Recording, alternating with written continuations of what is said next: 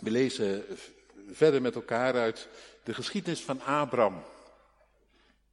Op pelgrimage met Abraham gaan we nu lezen hoofdstuk 12 vanaf vers 6. En ik wil eh, met name vragen uh, aan de kinderen die hier zijn, en die wil ik zo meteen nog even naar voren halen, dus hou er vast even, even rekening mee. Ik wil jullie nog uh, eerst iets gaan uitleggen, heel kort. Maar ik wil je nu vast even vragen of je heel goed wilt opletten bij het lezen. Zodat, want ik wil daar zo meteen wat over vragen. Lezen hoofdstuk 12 vanaf vers 6.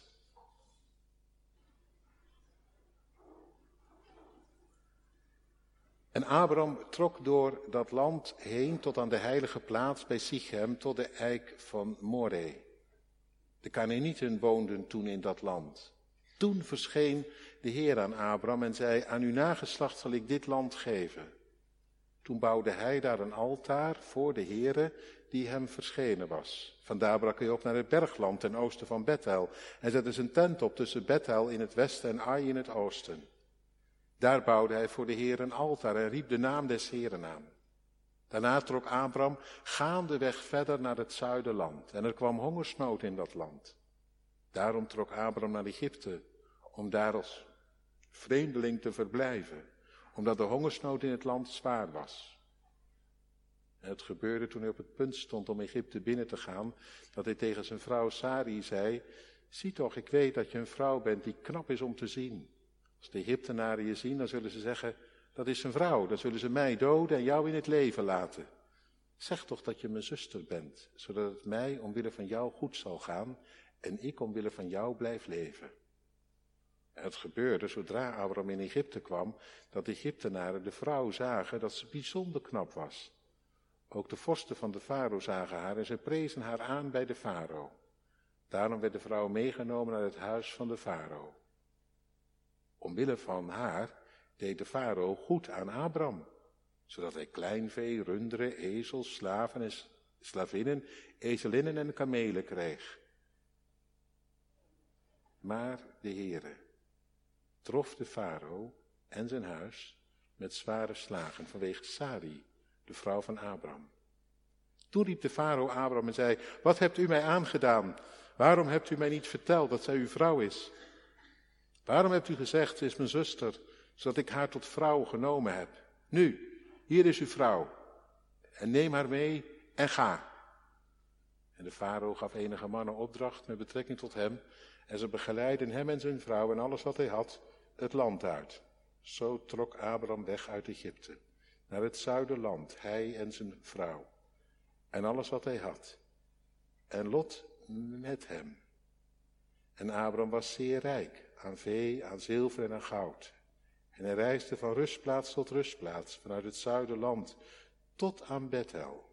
Naar de plaats waar zijn tent eerst gestaan had, tussen Bethel en Ai. Naar de plaats van het altaar, dat hij daar vroeger gemaakt had. En Abraham riep daar de naam van de Heere aan. Tot zover. Abraham, hij leeft bij het altaar en los van het altaar. Daar gaat het over. En wat dat voor gevolgen heeft. Daar wil ik het eerst even met de kinderen over hebben. Dus uh, ik, uh, ik vraag jullie of jullie even nu, voor zover jullie hier zijn, naar voren willen komen tussen de 7 en de 12 of zo. Ik kom even naar beneden en ik wil het er even, even met jullie over hebben.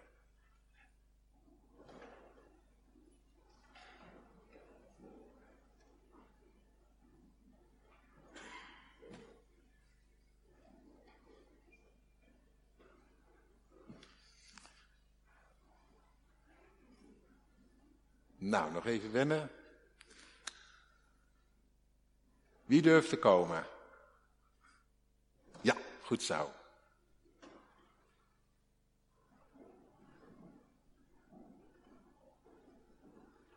Fijn dat jullie er zijn. Kom maar hoor. Kom er maar bij. Gewoon even wennen. Na één keer, dan weet je niet beter meer. Nee, nog niet? Volgende keer dan. Goed? Oké hey, ik, heb, uh, ik heb net een verhaal gelezen van van Abraham. En uh, hij trekt van de ene plek naar de andere en dan, dan maakt hij steeds iets. Hij bouwt iets. Weet iemand nog wat dat is? Wat hij bouwt? Gezang 326, de versen 1, 3 en 4 uit de bundel Weerklank, dat zingen als antwoord op de verkondiging. Gemeente van Christus, broeders en zusters. Regelrecht trekt Abraham naar Sichem. Naar de eik van Moreh. Dat was een gewijde plek. Een heilige eik, zo gezegd. Dat had je vroeger, hè? Van die plekken en plaatsen waar altaren gebouwd konden worden. Wie wel eens in Rome is geweest, die, die weet misschien wel van het uh, uh, Pantheon.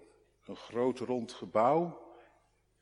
En in elke hoek, of in verschillende hoeken, kunnen er dan ja, altaren worden neergezet. Zo ging dat vroeger. Multireligieuze samenleving heet dat nu. Dat is echt niet iets van nu, dat was al iets van toen. Iedereen zijn eigen altaar. En zijn eigen manier van geloven en aanbidden. Maar daar gaat Abraham dus regelrecht naartoe, naar die plek. Omdat hij door wil op dat wat God met hem begon. En dat heeft voor hem prioriteit, zo gezegd. Vandaag zou hij gezegd hebben, is hier een kerk? Waar kan ik terecht? Want de omgang met God die mij verscheen, ja, dat gaat voorop. Hij riep mij hier naartoe en met hem wil ik hier zijn.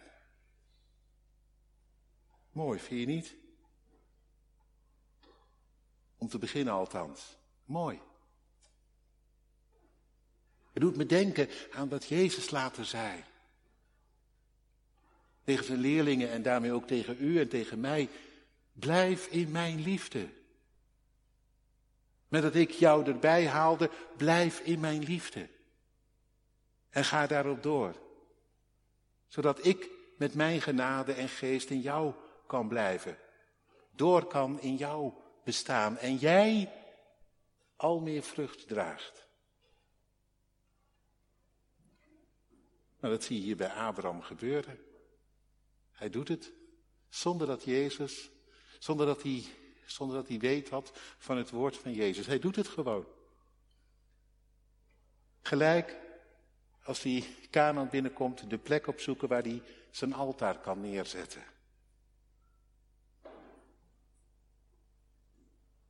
In de Bijbel heet dat ook eerste liefde. Zo wordt het althans genoemd in de brief van de opgestane aan de gemeente van Eversen. Jullie eerste liefde. Maar wel een beetje een gevaarlijk woordje. Want bij eerste denk je, ja, nou ja, dat is het begin. Maar ja, dat gaat natuurlijk over en dat is ook logisch. Nee, het is helemaal niet logisch.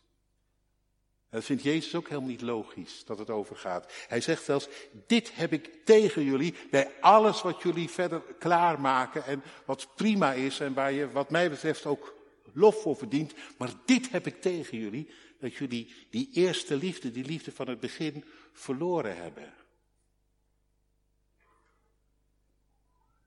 Dat hechten tussen jou en mij, met als gevolg dat die liefde van mij ook kan doorwerken in jullie denken, doen en laten. Hij is er helemaal niet van, hè, van eerste liefde die overgaat. Hij is van iets heel anders. Eerste liefde die je hebt verlaten en waarvan je als de drommel moet bekeren, vandaag nog. Want anders raak je echt wat kwijt, raak je hem zelf kwijt. Nou ja, dat hoeft hij tegen Abraham nog niet te zeggen, want Abraham trok linea recta naar Sichem. En weet je wat ik dan zo apart vind? Dat hij uitgerekend in Sichem daarbij die eik, die heilige eik van More, zijn altaar neerzetten. Dat is toch een beetje raar?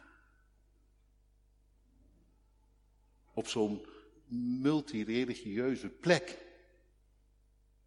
Ben je niet een beetje gek?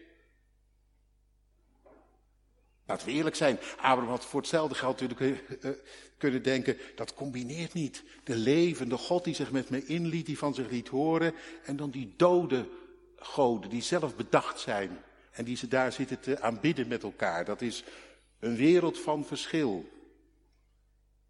Zouden wij zeggen, denk ik, hè, vandaag, dat, nee, dat kan niet samengaan, zouden wij zeggen. Nou, bij Abraham gaat het wel samen. Moet je even. Hij zet zijn altaar niet op een andere plek, een beetje afgescheiden van de rest, of achter zijn tent of zo. Geloof achter de voordeur, weet je wel, heel privé. Of in een, een bubbel of een zuil. Nee, gewoon in Sichem. Een altaar neergezet onder die andere altaren. Weet u wat ik geloof? Dat Abraham Gods woord serieus genomen heeft. Die zei niet, nou, ik laat me niet met die wereld in, daar houd ik mij ver van.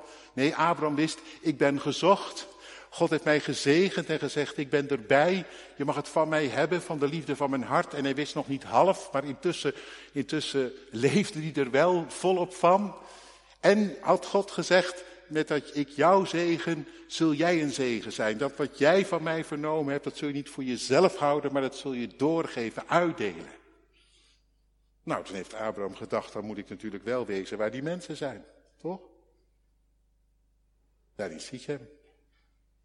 Mijn altaar neerzetten onder die andere altaren.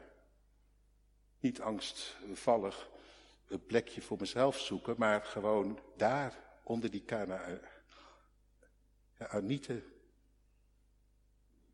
Een altaar oprichten. En buigen en bidden en beleiden en hem aanroepen die aan mij verschenen is. Ik denk wel mooi.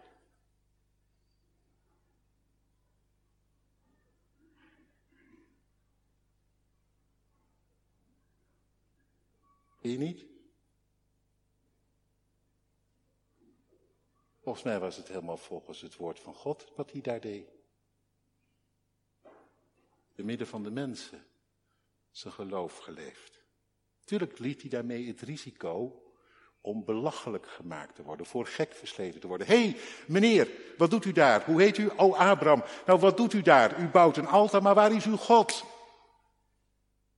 Ja, mijn God is niet te zien. Die kun je alleen maar horen. Ik heb van hem vernomen. Nou ja, zeg. Weet je zeker dat je dat niet in je hoofd gehaald hebt? is een kwetsbaar verhaal hoor. Al weet je het zelf zo zeker als wat. De wereld om je heen, die verklaart je zomaar voor gek. Hoewel, het kan natuurlijk ook zijn dat met dat Abraham dat daar deed, iets deed wat niemand deed, namelijk een altaar bouwen en dan, dan roepen en voor de beleving van die mensen roepen in de ruimte, want er stond geen godsbeeld bij. Dat, dat het ook nieuwsgierigheid heeft gewekt. Hoe zit dat dan? Leg eens uit. En dat het zomaar toen ruimte heeft gegeven om bij die Canaanieten die geen idee hadden te verhalen. Van ja, ik dacht eerst net als jullie, ik was niet anders en beter. Ik wist ook niet beter, maar ik heb iets vernomen en het is zo overtuigend en ik weet zeker, dit is de levende die van zich liet horen. Want al die andere goden, nog nooit een stom woord gezegd, of wel?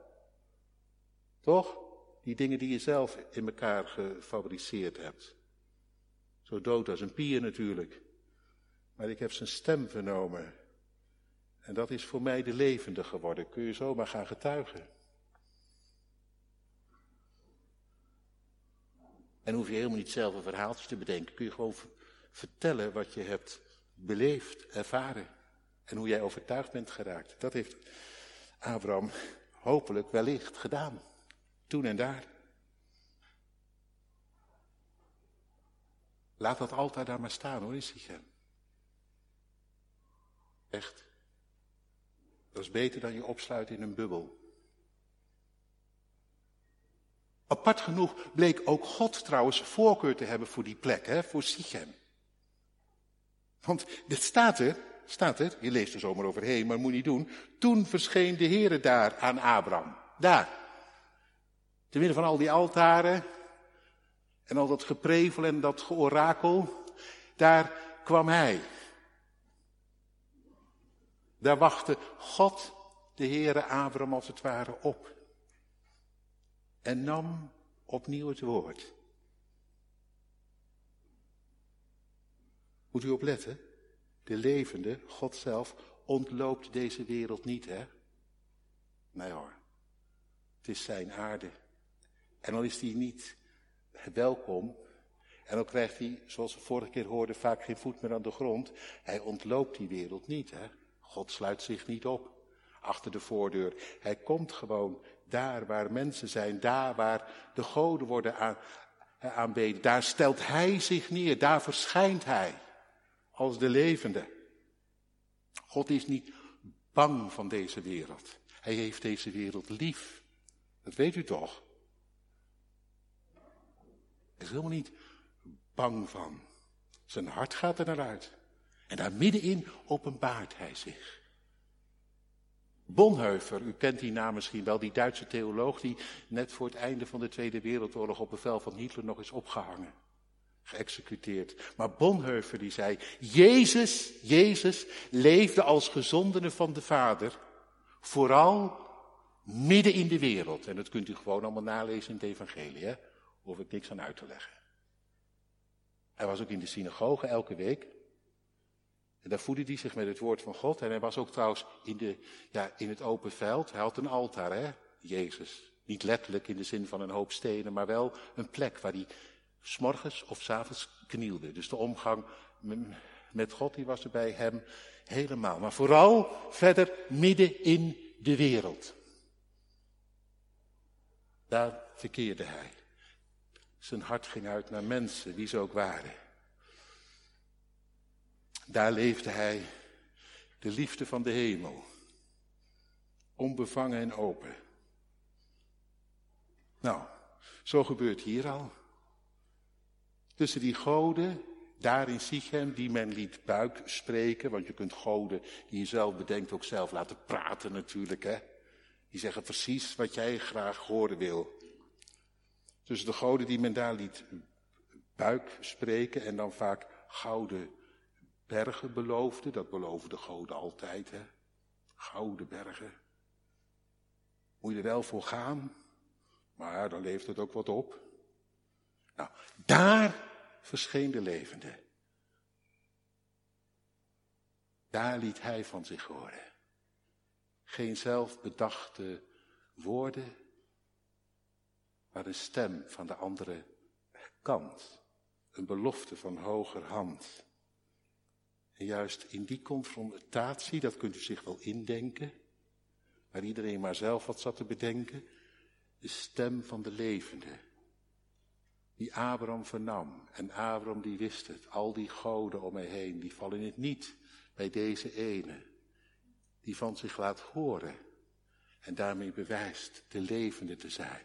Ze mogen ze allemaal houden wat mij betreft. Hoe mooi ze er ook uitzien.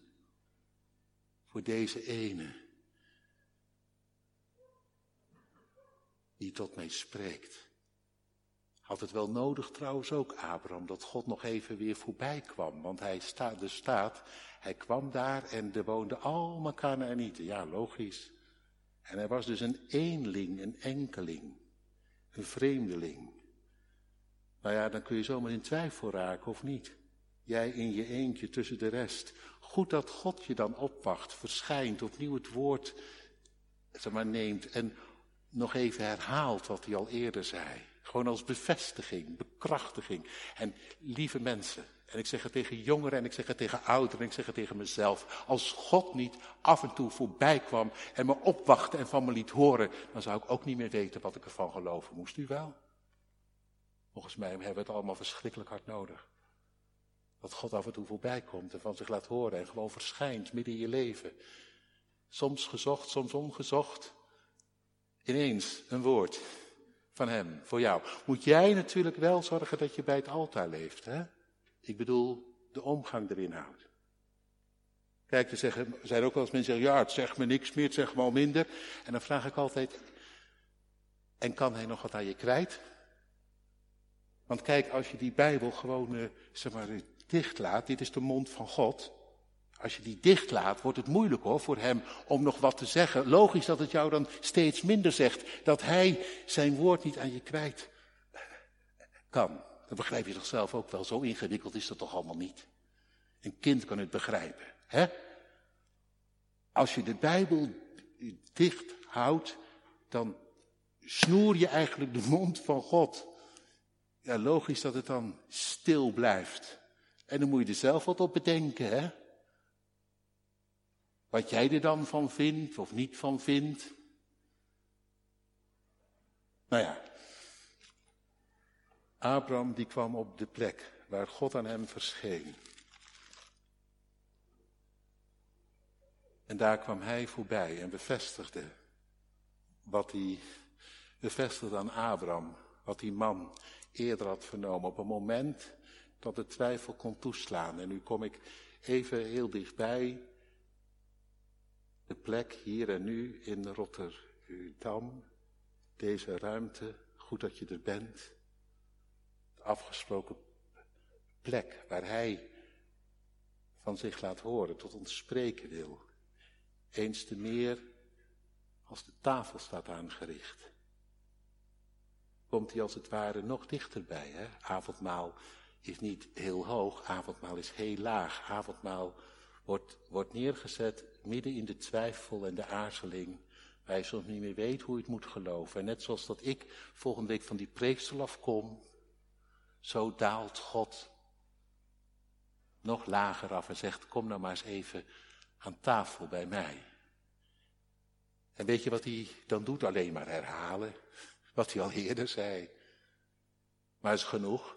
Dit is mijn lichaam voor jou gebroken, dit is mijn bloed voor jou vergoten. En, zo zegt hij er dan bij, zo zeker als je dit nu voor je ogen ziet, en zo zeker als je het in je hand ontvangt, en zo zeker als je het met je eigen mond proeft.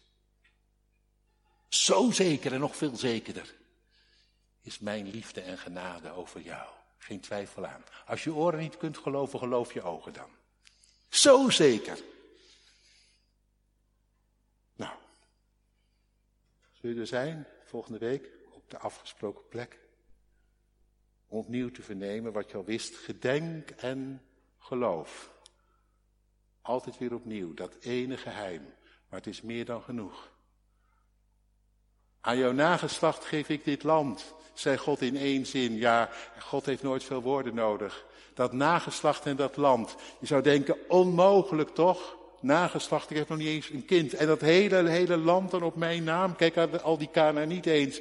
Onmogelijk. Nee, jouw nageslacht, dit land. Gods woord, het staat. Hoe onmogelijk het ook lijkt. Ook voor jou, voor mij, nu. Hoe onmogelijk het soms ook lijkt. Als je kijkt om je heen, als je kijkt naar jezelf. Want wat ben je soms, nou ja, stuk ongeluk of niet? Wat heeft God weinig aan jou, af en toe? Wie ben jij wel dat jij nog aanspraak zou kunnen maken op genade? Zegt de duivel dan. Het lijkt soms zo onmogelijk allemaal. Wat moet je daar zoeken, daar aan die tafel? En toch, daar verschijnt hij. En hoe onmogelijk het ook lijkt, dat wat hij zei, dat herhaalt hij, dat blijft staan. Hij heeft ook geen ander woord voor je hoor, dan dit. Ik voor u. Toen, nu, altijd. En daar zul je het van hebben. En dat is genoeg. Die genade. Jouw bestaan. Wat er ook aan schort. Met Christus mede dood in. Hij kan je hebben zoals je bent. Reken maar. Nou goed. Abraham. Hij trekt van de ene plek naar de andere. En ja, de kinderen zeiden het al. Tot twee keer toe bouwt hij een altaar. Mooi is dat. Dat dat prioriteit hield. Hè?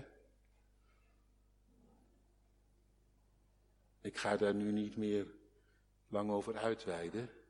Ik ga er alleen heel in het kort iets over zeggen. En dan moet je er zelf verder maar over gaan denken. Dat kun je heus wel. Ben je oud en wijs genoeg voor. Als je het alleen nog doet met een Bijbel-app en één tekst per dag, hoe mooi dat ook is, voor erbij, als extra. Als je het daar alleen mee doet, wordt het armoe. Zeg ik maar gewoon even. Een heel dun bijbeltje. Met allemaal woorden die heel goed uitkomen en lekker voelen. Moet maar eens opletten. Die Bijbel-app staan altijd fijne, fijne woorden. Een heel dun bijbeltje. We hebben nu je eigen bijbeltje. Zorg dat je een altaar hebt, hè? een binnenkamer, een plek. Waar je gewoon even knielt en buigt en bidt en waar die Bijbel open kan. En God kwijt kan wat hij voor jou op zijn hart heeft. Want zo wil hij ons nabij komen, leiden en leren. Nee, daar heb je niet elke dag evenveel aan. Maar ik kan je één ding verzekeren. Wie zich voedt met de woorden van God, die wordt op den duur geestelijk volwassen. En anders blijf je een kleuter, hooguit een, een puber. In geestelijke zin. Maar veel verder zal het nooit komen. Dus zorg dat je een altaar hebt. Nou, als dat er nou bij ingeschoten is, de laatste weken, maanden of misschien al langer, laat dan deze week van voorbereiding een moment zijn. Om daar eens heel goed over na te denken. Want ik wil u ook, hoe genadig het er bij God ook aan toe gaat, wel één ding, één ding zeggen. En dat zeg ik niet uit narigheid, maar gewoon uit bewogenheid. Om, om, om het goede voor je te zoeken. Kijk, incidenteel even leven uit de liefde van God en daar je hart aan ophalen bij een avondmaalsviering, dat is natuurlijk te kort. Dat is wel mooi, even helemaal er weer vol van, maar God wil structureel door. Net als een rank aan de wijnstok, die kan niet af en toe natuurlijk uit die wijnstok gaan leven, wil die vruchten dragen. Dat, dat moet gewoon blijven in, dus structureel. Een altaar. Echt hoor. Zorg maar dat je het op de een of andere manier versiert in jouw leven. Waarom niet? Dat kun je best. Een plek die stil wordt tot Hem. En bid. En luistert. Omgang. Daardoorheen word je gevoed, geleid, geleerd. En zonder dat kun je het schudden. Vergeten. Trouwens, Abraham die wist, zo alleen maak ik het verschil in deze wereld van Canaan. En zo geldt ook voor jou en mij. Als je het verschil wil blijven maken in die wereld, te midden van Canaanieten, van mensen die geen idee hebben, dan moet je echt aan hem verbonden blijven. De wereld om je heen, die die stelt al vragen genoeg. Zorg dan dat je met hem verbonden blijft, zodat hij steeds een uitroepteken kan zetten, te midden van al die vraagtekens die er zijn. En je ziet het bij Abraham, hè? Hij raakt, het altaar raakt zoek. De kinderen zeiden, dat vond ik echt fantastisch hoor, dat jullie dat door hadden. Er staat, hij trok gaandeweg naar het zuiderland en dan ineens, ja, je moet het tussen de regels doorlezen. Dus ik vind het ontzettend knap dat je dat gehoord hebt. Maar tussen de regels door kun je het lezen. Dan is er iets niet meer, geen altaar meer. Dat is weg. En weet je waar die dan belandt? Nou ja, dat hebben we gelezen in Egypte. Wat krijg je ervan? Omgang met God erbij inschiet.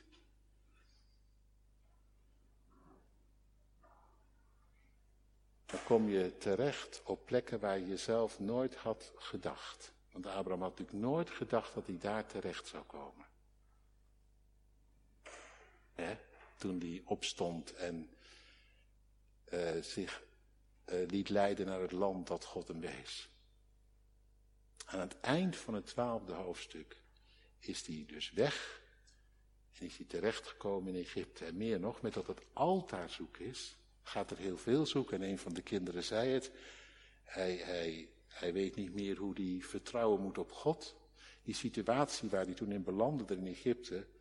Ja, dat was ineens eventjes natuurlijk de schrik. Ineens bij de grens bedacht hij, oeh, hoe moet dat nou?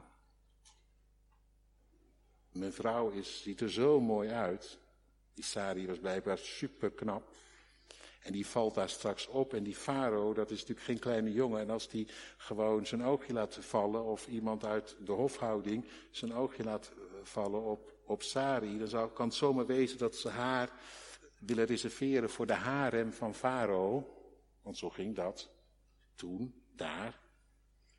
En dan moet ik hem wel voorwezen. Dus smeden hij een plannetje. Sari, luister. Weet je, we hebben weinig te kiezen. Misschien wel wat te delen. Als jij nou zegt, mochten ze uh, om jouw hand komen, of om jouzelf, niet eens om je hand, maar gewoon om jouzelf, zeg dan dat je mijn zus bent, hè? want jou ben ik dan toch kwijt, maar dan behoud ik tenminste het leven. Wat een goed plannetje. En het klopte nog ook, hè? Het klopte nog ook, want die Sari, dat was zijn halfzus. Ja. Dezelfde vader, maar niet dezelfde moeder. Het klopt zomaar en er klopt gelijk helemaal niks meer van. Halve waarheid, hele leugen. Dat krijg je ervan, hè? Als het altaarzoek raakt. Dan moet je doen met eigen plannetjes. Eigen ideeën. Kom je terecht in eigen angsten en dan moet je jezelf eruit redden. Herken je het? Nee, nee, nee, nee. Abraham wilde helemaal niet bewust God kwijt. Hè? Want er staat dat hij naar Egypte trok vanwege de honger. Niet omdat hij God vaarwel wilde zeggen. Maar ja, het ging wel samen op. Dat, dat heb je wel eens. Dan wil je helemaal niet bewust God uh, achter je laten. Maar hij schiet er gewoon bij in. Abraham bedoelde om even als vreemdeling in dat land te verkeren. Dus hij heeft gedacht, als de honger over is, kom ik weer terug. Maar intussen, met dat hij die weg gaat, raakt hij alles kwijt. En dat ga ik nou verder niet meer uitleggen, want dan wordt het te lang en te laat. Maar kun je het even toepassen naar jezelf? Zou het lukken? Waar het altijd zoek raakt, dat weet je toch zelf ook wel. Waar je dan zomaar in verzeild kan raken. Abraham raakte verzeild in Egypte gaf zijn vrouw eraan. Wat een, wat een schande, hè? Dat je dan zo met je vrouw om kan gaan. Nee, erger nog, gaf God eraan. In Sari, God en zijn woord en zijn belofte en alles wat God met hem voor had. Alles kwijt. En dat heet dan vader van de gelovigen. Denk me niet dat je ergens te goed voor bent. Denk dat maar niet. Zeg vooral ook niet, ja, ik ben er zelf bij. Dat is juist het grote probleem. Zou maar opletten. Heel goed bedenken. Waar ben je mee bezig? Mag ik dat aan je meegeven voor deze week? In het licht van deze geschiedenis? Waar hang jij uit intussen? Waar ben jij in verzeild geraakt? Met dat het altaar zoek raakte. Wat, wat gaat er om in jouw bestaan? Word eens eerlijk, dat is jezelf beproeven, hè? Die denken, daar heb ik geen boodschap aan, daar heb jij juist dan wel nu vandaag een boodschap aan. Ieder beproeven zichzelf. Kom eens aan het licht.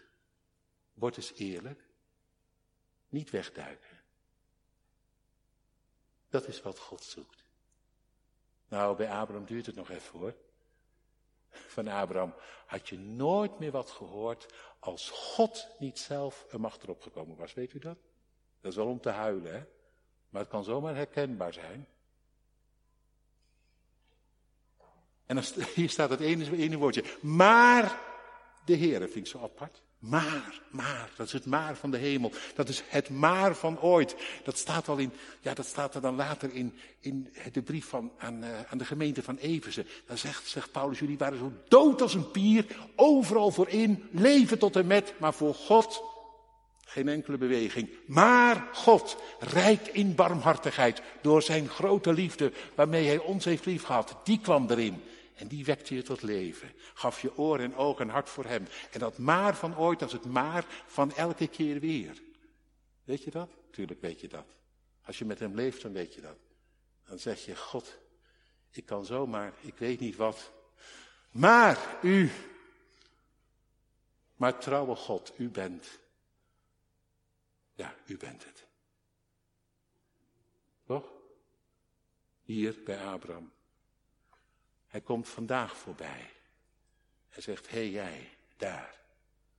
Maar de Heere. Zijn barmhartigheid heeft geen einde.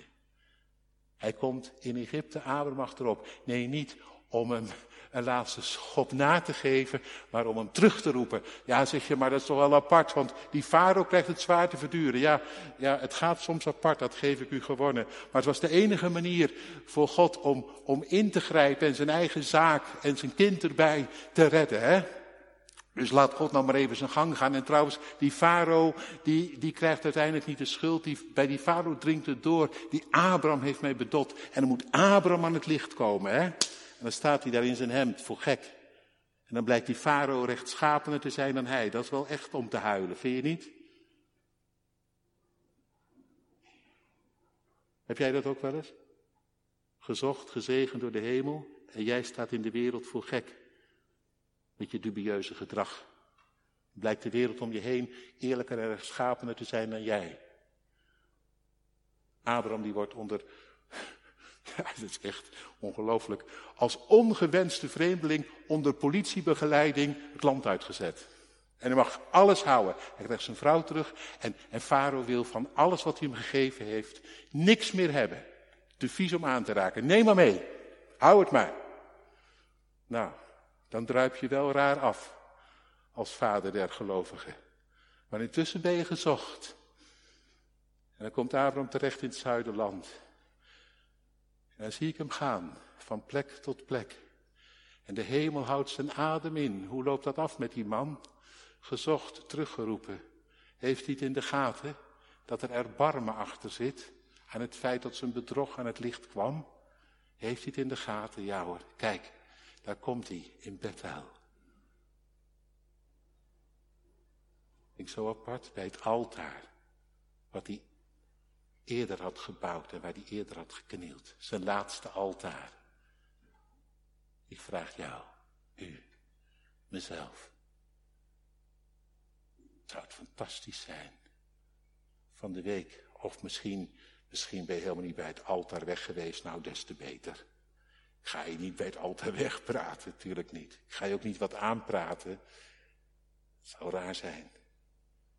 Maar wat zou het mooi zijn als, als het erbij inschoot en als het ergens raakt, dit hele verhaal van Abraham, aan jouw manier van doen, dat je dan deze week terugkomt. Ik vind dat zo ontroerend. Bij het altaar wat hij eerst gebouwd had en riep al daar de naam van de Heere aan terug bij de troon van Gods genade.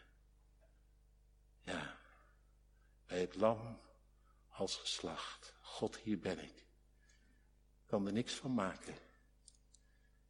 Wees mij genadig in uw erbarmen. En dan blijkt het brood en wijn. Genade te over. Barmhartigheid die geen einde heeft en jou en mij bewezen wordt. Dan wacht Christus zelf jou op. En één ding kan ik je beloven. Hij kan jou, mij, hebben zoals we zijn. De hemel juicht. De engelen beginnen te zingen. Vandaag nog. Voor ieder die terugkeert op zijn schreden. En hij doet er in liefde het zwijgen toe. Geen woord meer. Dat heet genade. Amen.